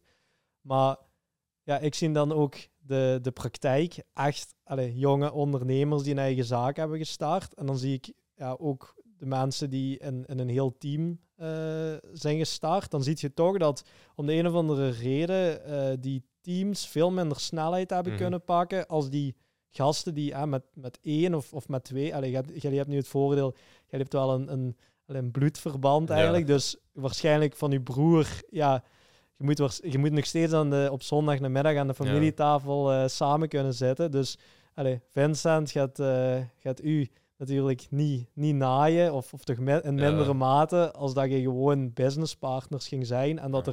er, dat er misschien eigenlijk het niet op voorhand goed op contract is vastgelegd. En is dat misschien niet het probleem bij die start-ups? Hè? Je zit met niet zo heel veel geld, maar je wilt wel in één keer een hoop mensen. Je gaat wat aandelen verkopen, gaat het wat verdelen. Maar eigenlijk is er niet het geld om dan alles vaak op contracten Ja. goed vast te leggen. Ehm, maar Gelly zou dus... Allee, Ik denk dat het zelfs te goed vast ligt op sommige contracten. ja, Dat je te fel gebonden bent en dat je niet meer zo ja. kunt Dat omgaan. is dan misschien de ik denk, ja, ik denk dat je ja. daar ook eh, rekening mee moet houden. Ja, En, maar ik denk zo, als je dan ons bedrijf ziet, eh, wij zijn maar heel klein, maar dat heeft toch ook af en toe spanningen opgeleverd. ja. Daar moet je ook aan denken. Als je met tussen familie, twee broers. Ja. inderdaad, eh, die stress die dat erbij komt, ook financieel, als je zo, in het begin hebben we ook niet zo grote omzetten gedraaid, want het eerste jaar hebben we zelfs verlies gedraaid. Ja. Ja. Ja, dat brengt ook allemaal frustratie en stress mee. Daar Ja. moet je ook rekening mee houden. Ah, dat kan het, ook veel eh, teweeg brengen op de... is het niet zo als je gewoon een btw-nummer aanvraagt en je zet de deur open, dat het geld gewoon komt binnenrollen dan? Ja, Ja, tegen alle geloof in lijkt het zo, maar het is toch net niet zo. Ja, die zelfstandigen die komt toch allemaal in een eh, Ja. dikke auto eh, aanrijden. Ja, dus maar de, de realiteit is toch, Ja. zeker als jonge Ja. starter, eh, toch anders. Hè? Ja. ja. Dus als je eigenlijk bekijkt dan van, je, je, hebt, je hebt voor die start-up gewerkt. Je zou zeggen van, hm, ik heb ah, goede dingen gezien, minder goede dingen gezien. Je zit er meteen met heel veel geld vaak te werken, wat ook Ja, voor klopt. andere mensen is. Zou je dan aanraden aan andere jonge ondernemers om te zeggen van, kijk, ga kapitaal ophalen? Of zou je zeggen van, probeer eerst Mm. met je eigen centen iets op te starten. Misschien zelfs met familie of vrienden eh, wat kapitaal op te halen. Ja, ze lachen daar altijd mee, hè, dat je zo de friends, family en fools eh, altijd Ja. eerst moet gaan vragen voor geld. Ja, Maar als je kunt, dan zou ik van bottom-up beginnen. Begin met Ja. je eigen kapitaal. Wat je kunt missen. ja. Steek je niet in de schulden daarvoor. Maar het is niet hip, hè? Nee, het is niet hip. Nee, iedereen hip, wil uh, overnight ook- succes. Het en is we ook moeten, een harde weg hè, voor Ja. helemaal onderaan te beginnen. En Ja. die daar- schaling die komt pas na een tijd. Hè. Maar dat is ook waarom dat ik deze podcast begonnen ben. Ja. Hè? We zitten hier niet met eh, founders van Huppel de Pub, die start-up die miljoenen hebben opgehaald Ja. om dan een, een bedrijf eh, helemaal eh, te laten crashen en failliet te gaan, een hoop schulden bij mensen te hebben en no personeel te moeten afdanken. Dus ik denk dat allee, die kant van ondernemerschap, van gewoon bottom-up, Mhm. met weinig budget beginnen en daarmee iets opbouwen, dat dat voor, denk ik, de meeste jonge mensen toch nog steeds geen slechte manier is om een bedrijf te starten. Want eh, om even terug te komen op het hele eh fitnesskleding verhaal, toen ben Ja. ik ook bij investeringsmaatschappij langs gegaan om raad in te winnen. Ja, die vonden het natuurlijk super, ook omdat het dan Lokaal het lokaal geproduceerd. was, lokaal Ja. geproduceerd. Dus die stonden er helemaal achter. Dus toen hebben we ook even voor dat moment gestaan van, gaan we ons kapitaal proberen op te halen en gaan we het echt er groot voor gaan of gaan we het Ja. zelf klein houden? Wij zijn altijd van, we willen het zelf de grip erop houden en zelf kunnen beslissen, want ik ben niet van plan van werknemer te worden in mijn eigen bedrijf. Nee, Mhm. En toen hebben we ook zo gezegd van, ja, kijk, als het misloopt en je hangt ergens aan een groot contract vast, want gelijk het nu uitgedraaid is en ik had toch groot geld opgehaald, ja, er moeten toch resultaten Ja. liggen. Dus ik weet niet hoe dat ik het dan zou gedaan hebben. Ik denk dat we Ja. dan ergens met, met schulden of zo achtergebleven waren. ja. En een hoop slechte contacten Ja. en eh, Ja. miserie. Ja, en als je ene keer een slechte naam hebt gemaakt in de Ja. businesswereld, daar kom je niet gauw vanaf. Dat is lastig, hè? Maar allee, wel goed dat je toen toch hebt beslist van kijk, we gaan het gewoon zelf doen. Maar Kunt je ook makkelijker- op het punt toen voor zo'n grote investering te doen. Daar waren Ja, we ook helemaal niet klaar voor. ja, We hadden nooit die ervaringen wat we nu hebben. Ja. Zelfs nu nog. Maar ik denk, ik denk zo, je moet altijd, ja, natuurlijk, je hebt een beetje geld nodig om iets Mhm. te starten. Maar ik denk een beetje een misconceptie, ja, je hebt geen honderden, duizenden Het euro's probleem voor sommigen is ook te veel geld. Hè. Ja, Dat is ook een heel groot probleem. En niet te Ja. weinig, maar te veel geld. Hè. ja, Dan is het al heel rap gezegd van, oh, kom dat doen of we gaan dat zo doen. ja, En dan impulsief eh, dingen doen die eigenlijk geweldig veel geld opslorpen. Hè. ja. Maar zijn niet ook al, allee, ik denk de bedrijven die dan in één keer heel veel geld krijgen, dat zijn dan typisch ook wel de bedrijven die externe investeerders binnenhalen. En dan eh, een paar honderdduizend euro op een rekening krijgen, personeel beginnen aanwerven, hun geld in gekke dingen beginnen te steken, terwijl dat ze vaak eigenlijk nog helemaal geen product hebben om effectief te gaan verkopen en omzet te kunnen draaien. Dus, maar, allee, kan daar nog heel lang over Ja. uitweiden, maar ik zou ook nog, allee, er is, er is eh, nog eigenlijk een nieuw project waar jullie ook mee bezig zijn. Ehm, ik heb het al heel kort in de introductie besproken, maar dat is eigenlijk een tiny house. Tiny house, voor de mensen die het, eh, die het niet kennen, is eigenlijk een klein huisje waar je ja, in de tuin of, of op een, een leuke locatie, meestal ergens in het groen, gaat neerzetten. Met dan eigenlijk een beetje het doel om geen gewoon huis te moeten huren of te moeten kopen. Ik ben dus heel benieuwd wat ja, jullie mening daarop is, want het is toch wel redelijk hot topic zo onder Mhm. eh, onze leeftijdsgenoten. Dus eh, ja, het tiny house verhaal, dat gaat eigenlijk al veel jaren eh, geleden is dat al begonnen. Toen hebben we ook al eens de intentie gehad om daar een soort van business van te maken. En toen hebben we een soort van externe partner die ook graag met tiny houses bezig was. Die wou ons komen helpen.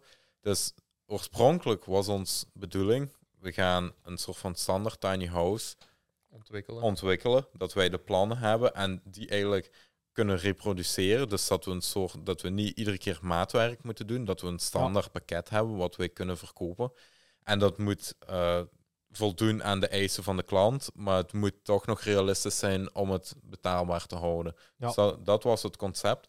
En dan het eerste prototype, dat zou dan onze externe partner, die zou dat dan eh, zelf bekostigen. En wij zouden dan de arbeid, de kennis, eh, de Helpen, techniek. het bouwen, het Ja, ontwerpen. Bouwen ja. ja. de me- de mechanische kant. Ja. Dus dat, dat was oorspronkelijk het plan. Eh, we wouden dan ook alles documenteren, want we zaten toen ook al met plannen van YouTube. We hadden toen nog geen YouTube-kanaal, maar we wouden alles documenteren, sociale media bijhouden, dat we daar eventueel ook in verder konden gaan.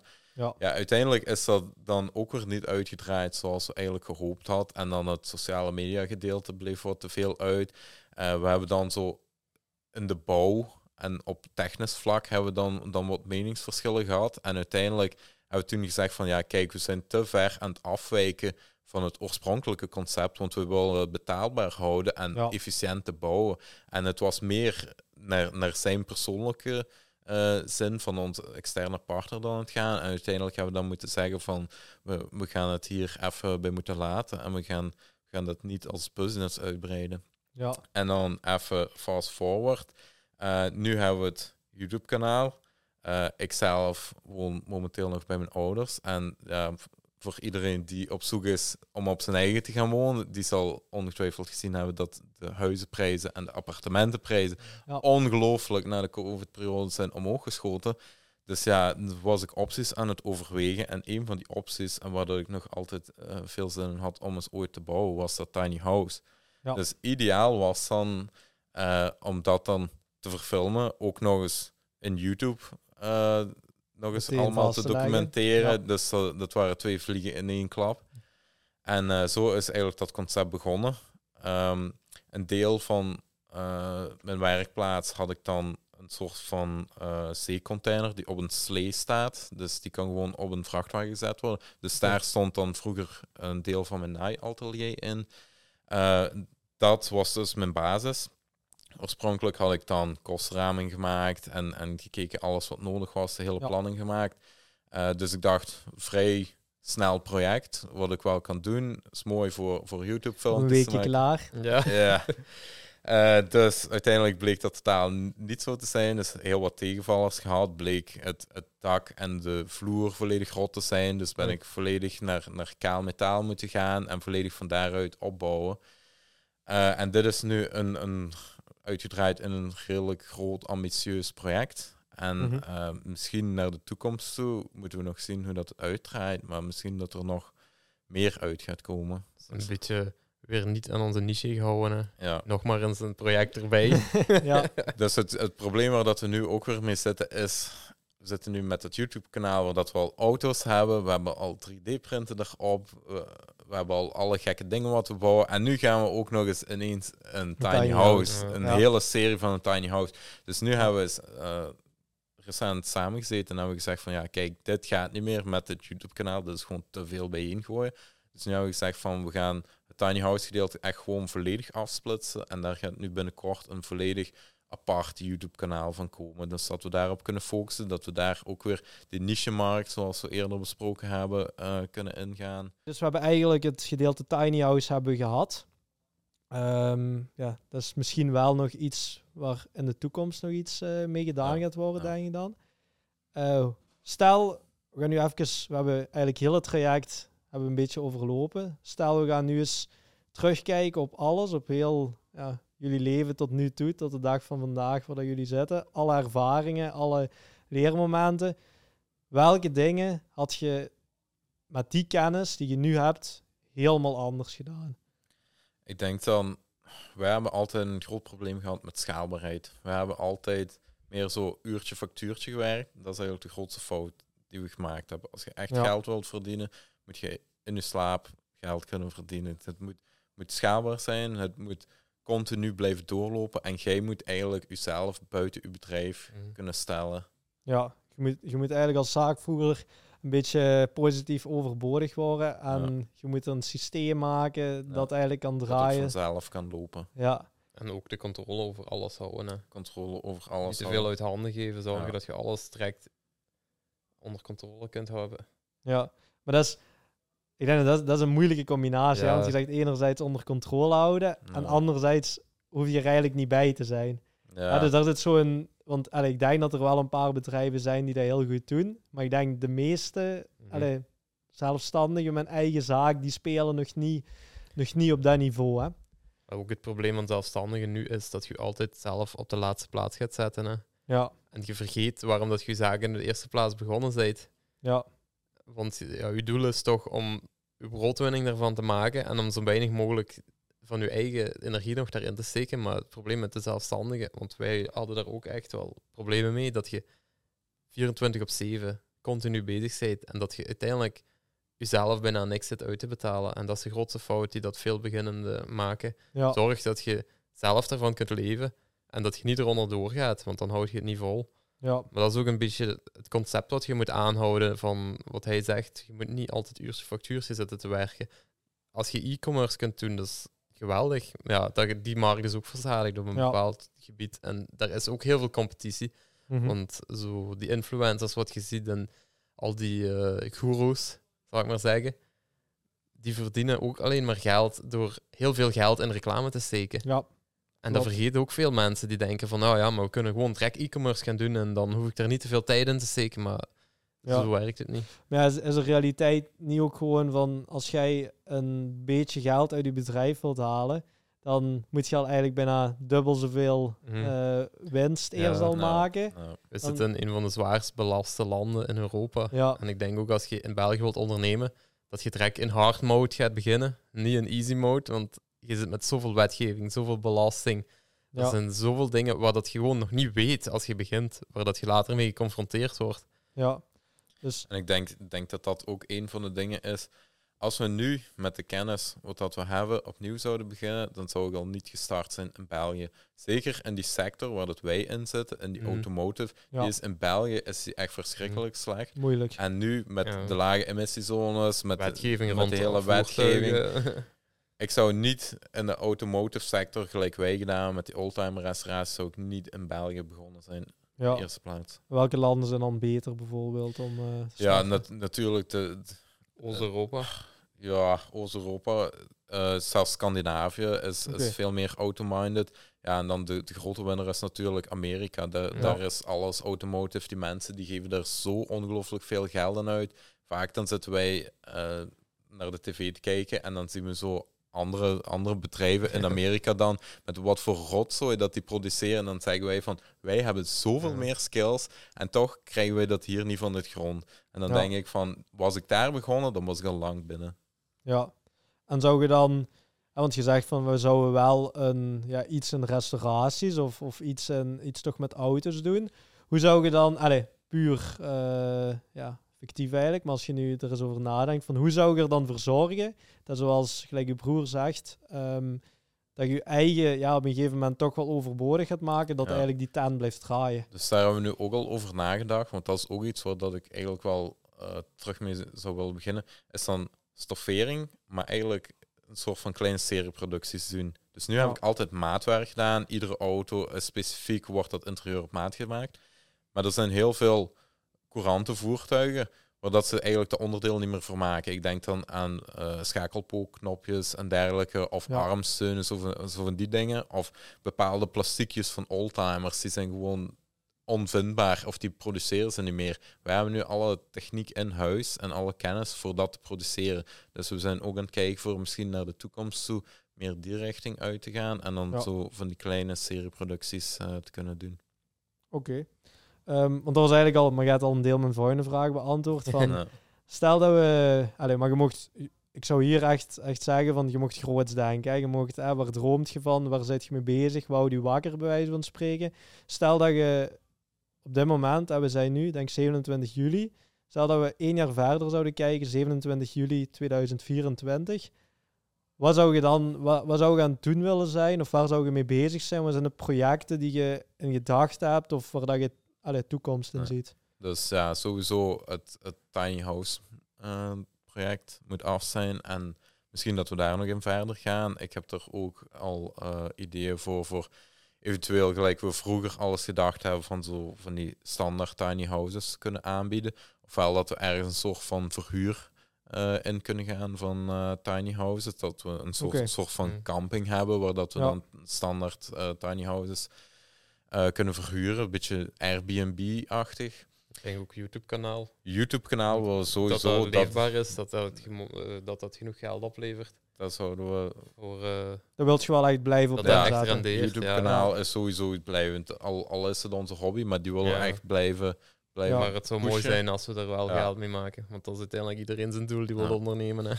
Ja, het is, het is allee, je, je begint ergens aan. Begin allee, hoeft dat Mhm. zeker niks op te brengen. Je doet dat uit passie, uit hobby. Maar op een gegeven moment ja, gaat je er zoveel werk, zoveel Ja, tijd in steken. Ja, dan, ik snap wel dat je zegt, dan is op een gegeven moment wel mooi dat je er je- toch ja. iets van, allee, iets mee kunt verdienen. Al is het maar gewoon om, om een beetje van je tijd of je Mhm. materiaal wat je nodig hebt gehad om die video...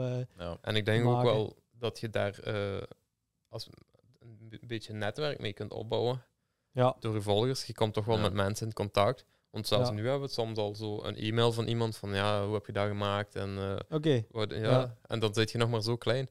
Want er was wel, onlangs nog, had ik eh, een collega van mij, een ex-collega, verder geholpen met iets. En die zei, ja, maar ik ga, mijn buurman is ook geïnteresseerd in wat je doet. Ik ga die aanbevelen dat hij moet subscriben. En Ja. toen bleek dat hij al geabonneerd was op ons Oh, kanaal. oké. ik zeg, hoe Ja. toevallig is dat nu?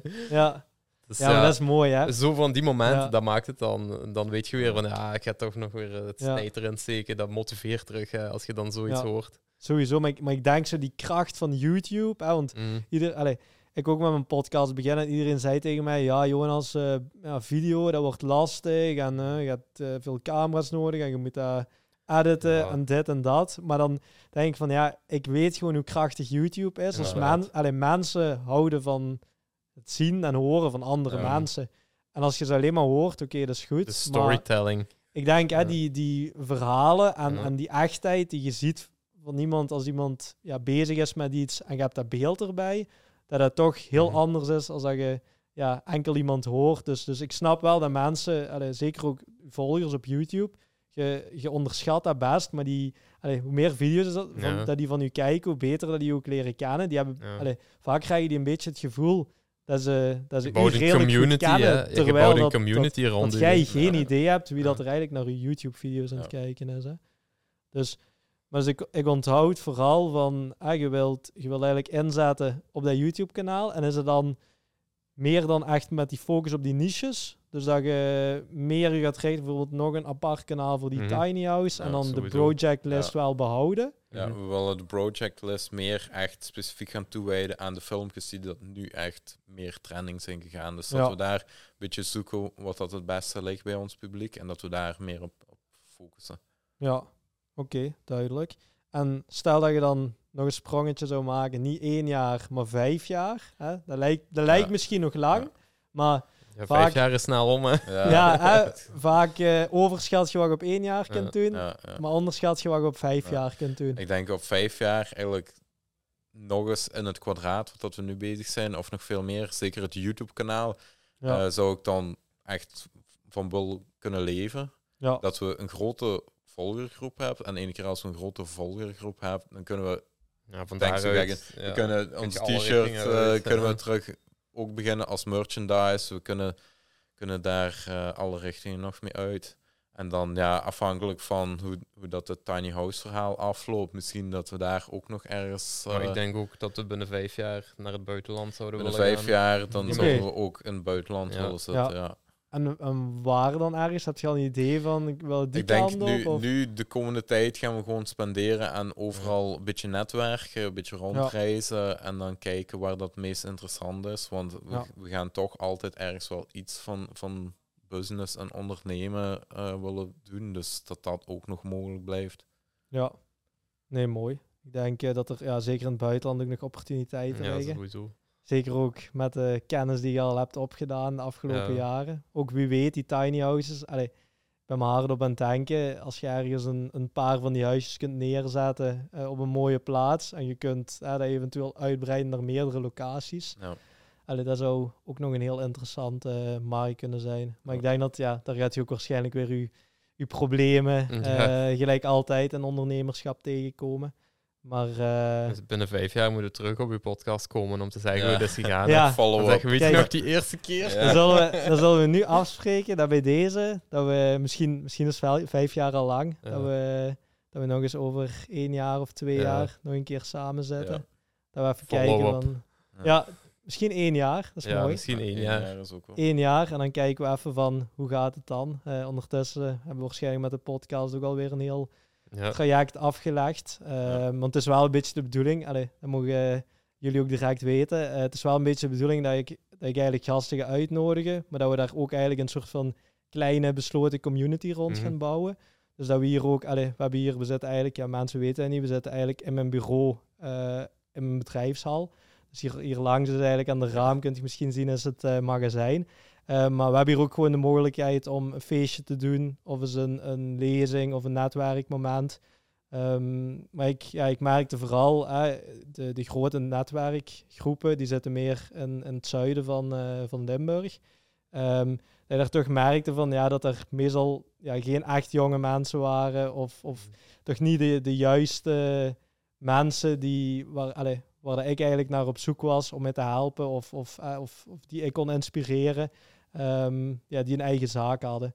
Dus daarmee ook, dat is wel een beetje de insteek van deze podcast ook. Van, en voor de mensen thuis is het vooral motiveren ehm, en inspireren om te gaan ondernemen. Maar ik eh, wil jullie eigenlijk ook meenemen in een soort van ja, besloten netwerk. Ehm, waar dat we ook met gewoon like-minded eh, jonge ondernemers... Je moet die ervaring Kunnen delen, hè, zodat andere mensen die fouten niet nog eens moeten maken Klopt. wat wij gemaakt hebben. Klopt, Dat want is- ik, want ik merkte, ik heb eh, ondertussen ook een paar andere gasten voor de podcast vastgelegd, dat die eigenlijk allemaal een beetje met het ja, probleem of, of de struggle hadden van ja, die grote netwerkgroepen. Mhm. Ik voel me daar niet zo op mijn gemak. Dat is toch altijd een beetje stijver, een beetje formeler. Ehm, en dan gewoon vaak gewoon thuis bleven. Maar Ja. daardoor heb je wel ja, misschien, minder, misschien die opportuniteiten van... eh, minder een klankbord. Eh, uw, uw netwerk groeit er ook niet door door thuis te blijven zitten. Dus uh, allez, dat wil ik nog, nog even vermelden dat dat zeker ook iets is waar, waar dat we aan gaan werken. Um, en dan zou ik jullie heel erg willen bedanken voor uh, vandaag langs te komen. Ja, jij bedankt voor ons uit te Ja. nodigen. We zijn uh, heel, Heel graag gedaan. Ja. Eh, Ook nog eens bedankt. Eh, even nog vermelden. De, de haai die ik heb gekregen. Dat is echt... dat is nog maar de eerste podcast. Maar we krijgen eigenlijk Ja. al een super vet cadeau hier. Dus eh, die gaan we hier laten staan. Gaan we nog misschien iets mooier wel neerzetten. Maar ja, dat is elke podcast die, die heeft toch wel een, een soort neon, nodig. Ja. een soort neonbord nodig. Dus die gaan we zeker laten staan. Ik wil vooral jullie ook bedanken, de luisteraars en misschien de kijkers op YouTube. Eh, ik zou zeggen, hou ons in de gaten. De volgende podcast die verschijnt over exact één week. Eh, ik heb een vrouwelijke ondernemer, ook een jonge vrouwelijke ondernemer, uitgenodigd. Eh, die heeft ook een heel leuk verhaal. Die is eigenlijk gespecialiseerd in luxe keukenaccessoires. Dus dat komt er heel binnenkort aan. De podcast daarna ligt ook al vast. Dus ik zou zeggen van abonneer je zeker op ons YouTube kanaal. Op Spotify kunt je ons ook volgen. En dan zien we jullie heel graag eh, voor de volgende Jonge Haaien podcast. Dankjewel.